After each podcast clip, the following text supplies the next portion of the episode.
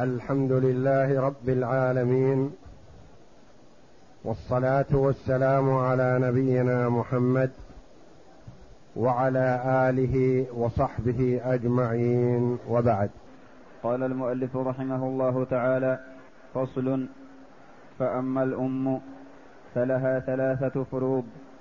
قول المؤلف رحمه الله تعالى فصل وأما الأم. تحت باب ذوي الفروض. وذكر أصحاب الفروض وهم عشرة الزوجان وتقدم الكلام عليهما. والأبوان الأب والأم. والكلام الآن في الأم. والجد والجدة. والبنت وبنت الإبن. والأخت من كل جهة والأخ لأم. هؤلاء أصحاب الفروض. بين من أصحاب الفروض الزوج والزوجة. وقال رحمه الله الزوج يأخذ النصف مع عدم الولد وولد الابن ويأخذ الربع مع وجود الولد أو ولد الإبن. والزوجة تأخذ الربع مع عدم الولد وولد الإبن ومع عدم الجمع من الإخوة والجمع في الفرائض اثنان فأكثر. ومع وجود الزوجة أو الزوجات يأخذن الربع مع عدم الولد وولد الابن ويأخذن الثمن مع وجود الولد أو ولد الابن. هذا نصيب ومأخذ الزوج أو الزوجة والزوجات. ثم يأتي بعد هذا أحوال الأم. قال رحمه الله وأما الأم فلها ثلاثة فروض والرابع محل خلاف. ما هي هذه الثلاثة الفروض؟ يبينها رحمه الله بقوله. قل. الثلث إذا لم يكن للميت ولد ولا ولد ابن أو اثنان من الإخوة والأخوات. هذه حالة. تأخذ الأم الثلث. مع عدم الولد أو ولد الإبن. ما يقال مع عدم ولد الولد؟ لا. وإنما ولد الإبن. مع الولد ذكرا كان أو أنثى. أو ولد الإبن. سواء كان الولد ذكرا أو أنثى بشرط أن يكون ولد إبن. فتأخذ ومع عدم الإخوة الجمع من الإخوة.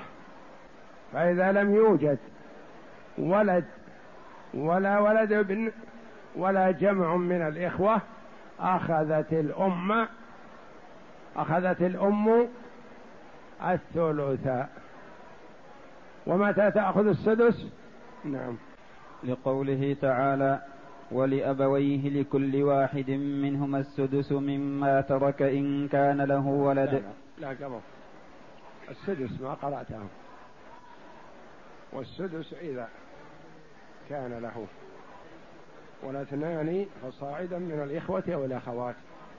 والسدس معطوف على الثلث. الثلث إذا لم يكن للميت ولد ولا ولد ابن أو اثنان من الإخوة والأخوات. والسدس نعم. لقوله تعالى لا لا عندك ساقط إذا عندك ساقط. وأما الأم فلها ثلاثة فروض. ما هذه الثلاثة الفروض؟ قال الثلث. بينه. ثم قال السدس. يعني الفرض الثاني السدس. إذا كان له ولد أو ولد ابن أو اثنان من الإخوة والأخوات. نعم. والسدس. والسدس إن كان له ولد أو ولد أو ولد ابن أو اثنان من الإخوة والأخوات. لقوله تعالى ولأبويه لكل واحد منهما السدس مما ترك إن كان له ولد فإن لم يكن له ولد وورثه أبواه فلأمه الثلث فإن كان له إخوة فلأمه السدس. نعم.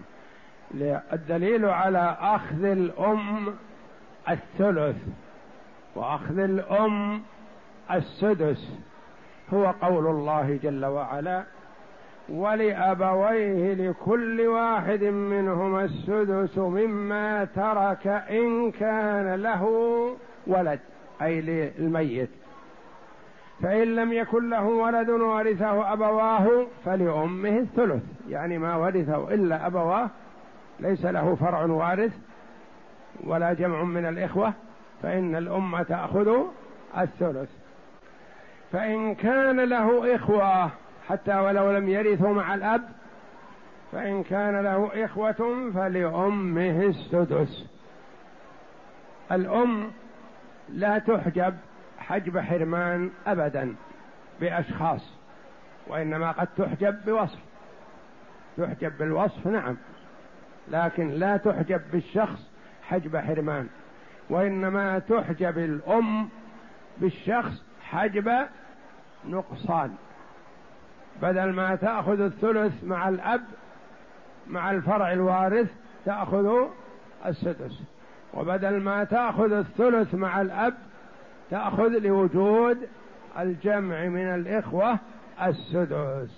فمن يحجب الأم نوع صنفان الولد وإن نزل الولد وولد الابن وإن نزل الابن والجمع من الإخوة. وقسنا الأخوين على الإخوة. لأن الوارد في الآية فإن كان له إخوة فلأمه السدس فإن كان له إخوة والإخوة جمع. ولهذا أخذ بهذا ابن عباس رضي الله عنهما. يقول رحمه الله وقسنا الأخوين على الإخوة لما يرحمك الله؟ قال لأن كل فرض تعين بعدد كان الاثنان فيه بمنزلة الجماعة كفرض البنات والأخوات. كفرض البنات. فالبنتان يأخذن الثلثين وثلاث البنات والأربع والخمس يأخذن الثلثين.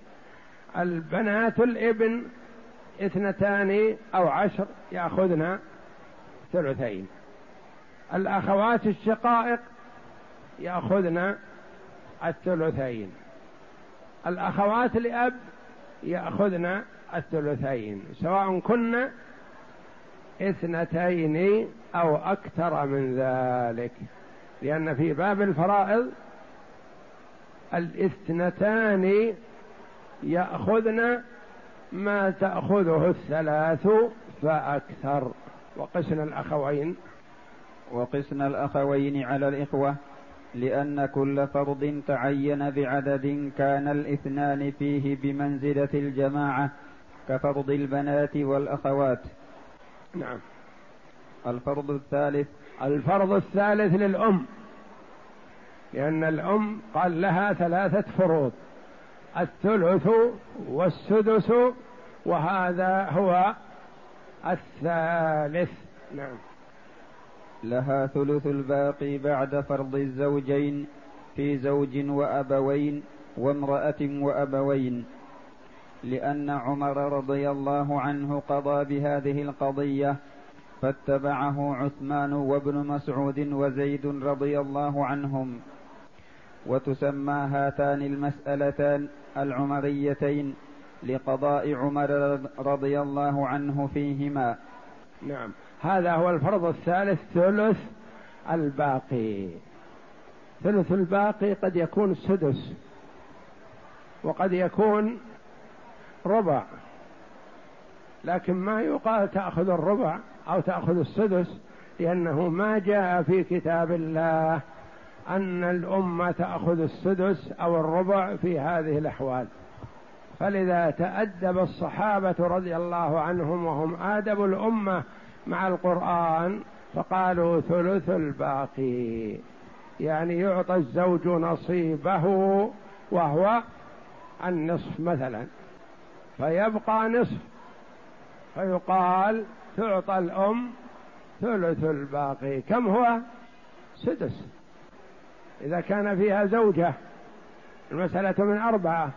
تعطى الزوجة نصيبها الربع ويبقى ثلاثة الأرباع. فيقال تعطى الأم ثلث الباقي الذي هو الربع. تأدبا مع القرآن. والدليل على هذا اجتهاد الصحابة رضي الله عنهم.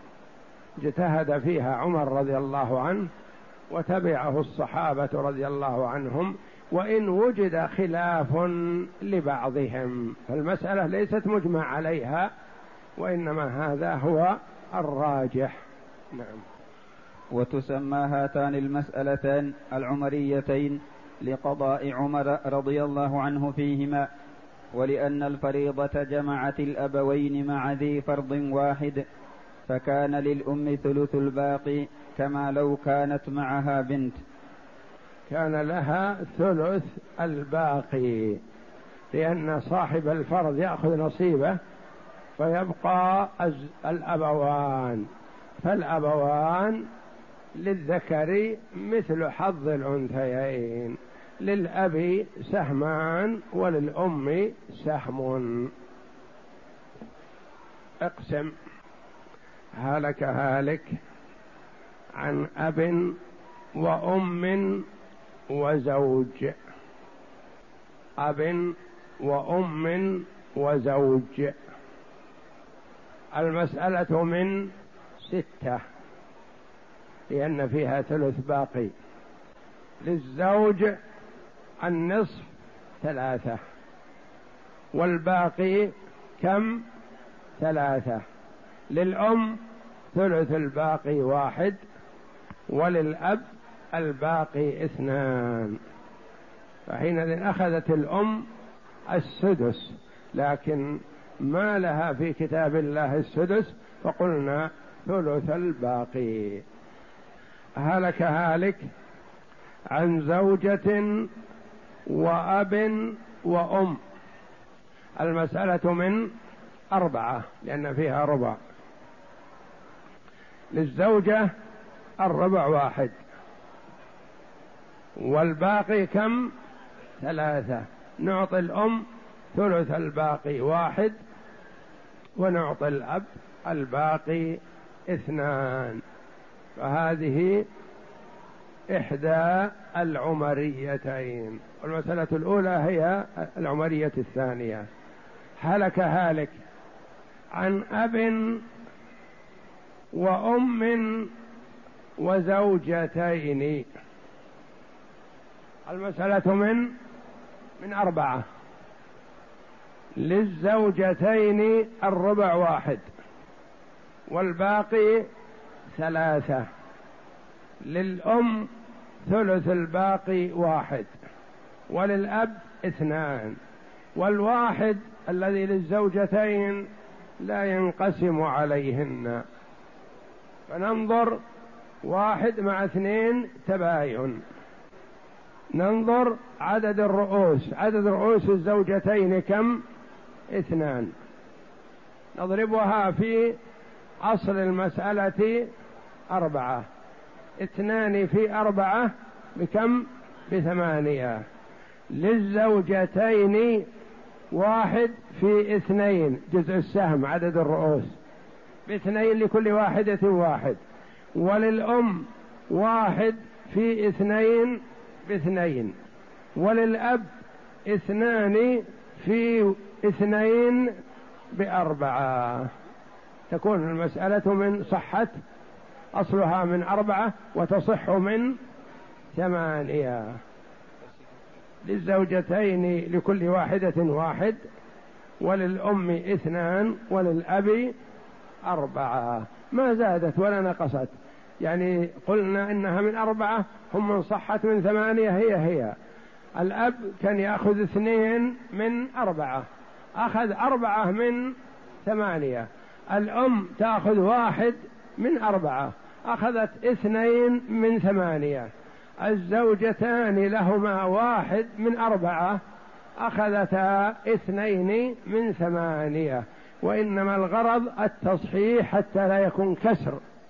يكون نصيب الزوجتين بدل ما يكون واحد من أربعة يكون اثنين من ثمانية فينقسم عليهن.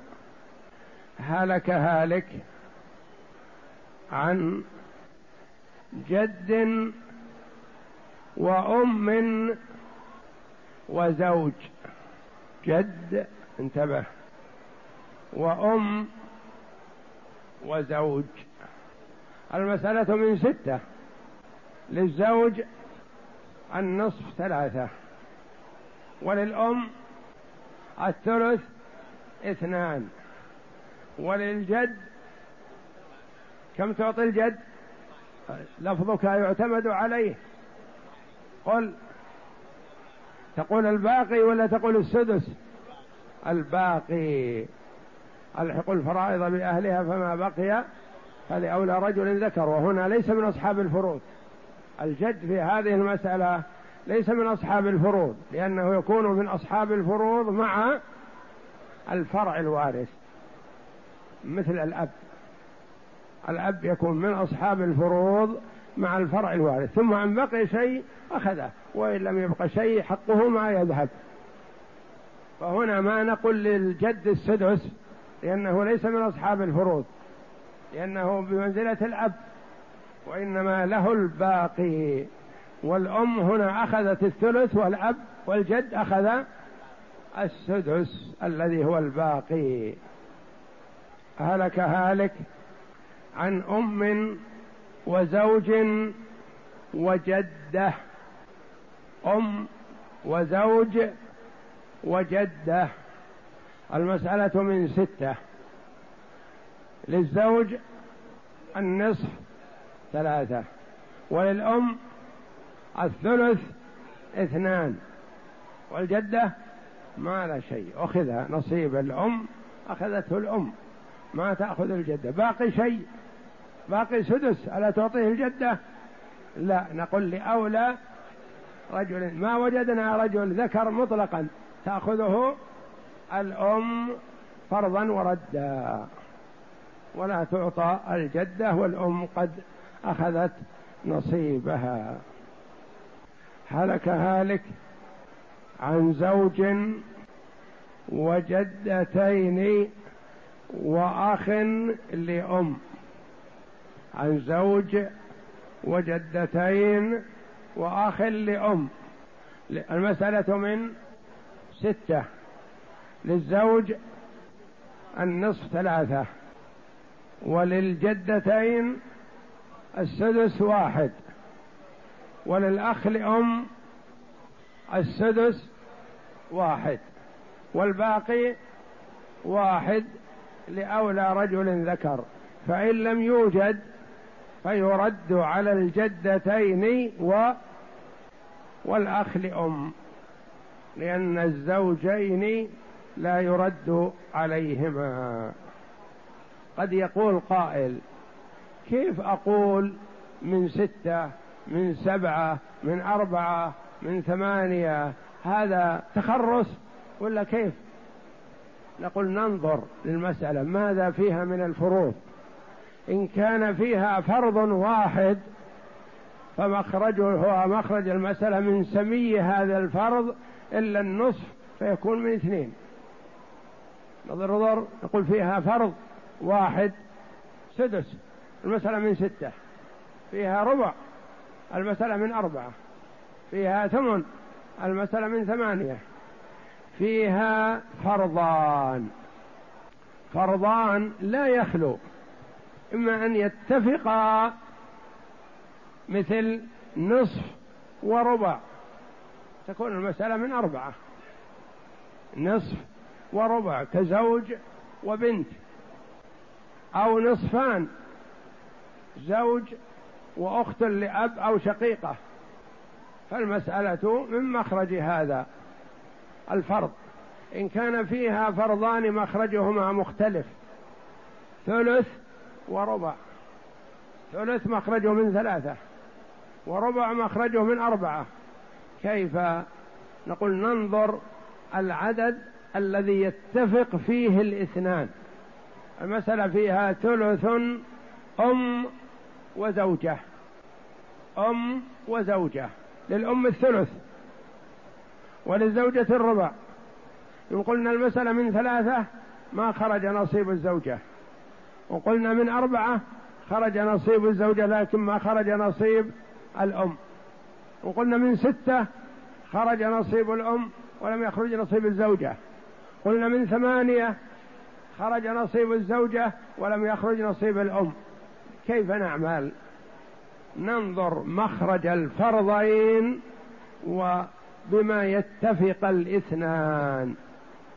نصيب الفرضين الثلث الثلث مخرجه من ثلاثة والربع مخرجه من أربعة. الثلث والأربعة ثلاثة والأربعة متباينة. فنضرب إحداهما بالآخر فيخرج اثنا عشر فنقول هو أصل هذه المسألة. فيها ربع وثلث أصلها يكون من اثني عشر. فيها ثمن وسدس. ثمن وسدس. ربع وثلث من اثنى عشر. ثمن وسدس من أربعة وعشرين. وهكذا. اقسم هلك هالك عن أب وأم وثلاث زوجات. أب وأم وثلاث زوجات المسألة من أربعة. للزوجات الثلاث الربع واحد والباقي ثلاثة. للأم ثلث الباقي واحد وللأب الباقي اثنان. الواحد لا ينقسم على الزوجات. الثلاث كم رؤوسهن؟ ثلاثة. نضربها في أصل المسألة أربعة. ثلاثة في أربعة باثني عشر. جزء السامي كم هو؟ ثلاثة. نقول للزوجات واحد في ثلاثة بثلاثة لكل واحدة واحد. وللأم واحد في ثلاثة بثلاثة. وللأب اثنان في ثلاثة بستة وهكذا. هلك هالك عن أب وجدة وبنت ابن. أب وجدة وبنت ابن. أب وجدة وبنت ابن. المسألة من ستة. للجدة السدس واحد ولبنت الابن النصف ثلاثة والباقي أو لا انتبه الكلمات محسوبة عليك. للجدة السدس ما في كلام. ولل وللزوج وزوج معهم بنت ابن وأب وجدة. للجدة السدس واحد وللبنت النص ثلاثة وللأب السدس لا وللأب الباقي لأن ما فيه أو لا انتبه لا ما يقال للأب الباقي. الأب يستحق هنا مع إناث الولد له السدس فرضا وله الباقي تعصيبا انتبه يأخذ فرضا وتعصيبا مع إناث الولد. ويأخذ فرضا مع ذكور الولد فقط.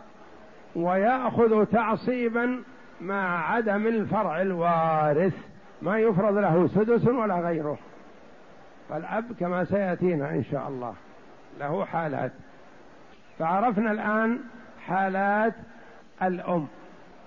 هلك هالك عن أخوين لأم وأم وابن ابن ابن ابن عم.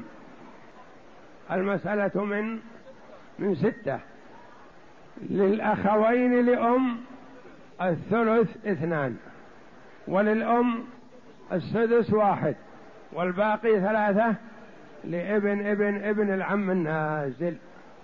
وفي هذه الحال يكون الأم لها السدس لوجود الاثنين من الإخوة. هلك هالك عن بنت ابن ابن ابن ابن ابن وأم وابن ابن ابن ابن عم. ابن العم وبنت الابن على درجة واحدة. زوج بعضهم من بعض. المسألة من ستة لبنت الابن النازلة النصف ثلاثة وللأم السدس واحد والباقي اثنان لابن العم النازل. هذه أحوال الأم. إن كان معها فرع وارث فلها السدس. معها جمع من الإخوة لها السدس. معها أب وأحد الزوجين لها ثلث الباقي. والحال الرابعة ستأتي إن شاء الله. والله أعلم. وصلى الله وسلم وبارك على عبد ورسول نبينا محمد وعلى آله وصحبه أجمعين.